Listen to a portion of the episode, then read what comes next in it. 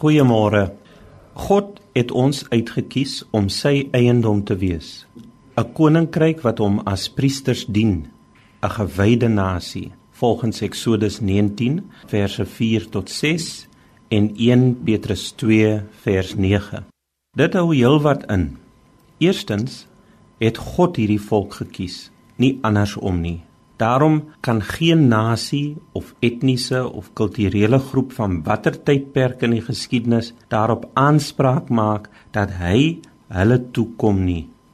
God is nie die mens se maaksel nie. Die mens is syne.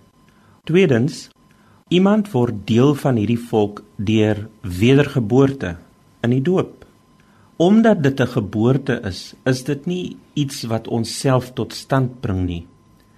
'n kind besluit nie om gebore te word nie. Sy geboorte is onderhewig aan magte en faktore buite sy beheer. Hy is van iemand anders afhanklik om in die wêreld te kom. God eien die mens as syne, nie andersom nie. Derdens, die hoof van die eiendomsvolk van God is Jesus. Ons is sy lede, 'n deel in sy lewe. Ons buig voor hom voor niks en niemand anders nie omdat hy ons hoof is en ons soos hy moet word vereis hy dat ons die kruis opneem en hom volg. Laastens dit is nie verpligtend om eners te wees om deel te wees van die Here se eiendomsvolk en aan die liggaam van Christus te behoort nie.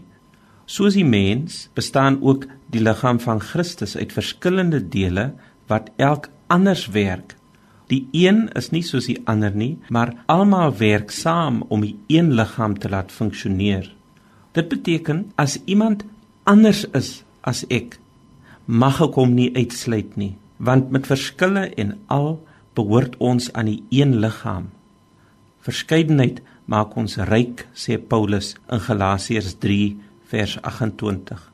Daar is nie meer Jood of Griek nie, daar is nie meer slaaf of vryman nie, daar is nie meer man en vrou nie, want julle almal is een in Christus Jesus. O Here, U het die kerk lief en het U lewe vir haar neergelê. Heilig en reinig haar deur U woord. Verwyder alle oneenigheid, mededinging en afguns. Verwyder ons liefdelose oordeel oor mekaar en verenig ons in u heilige werk.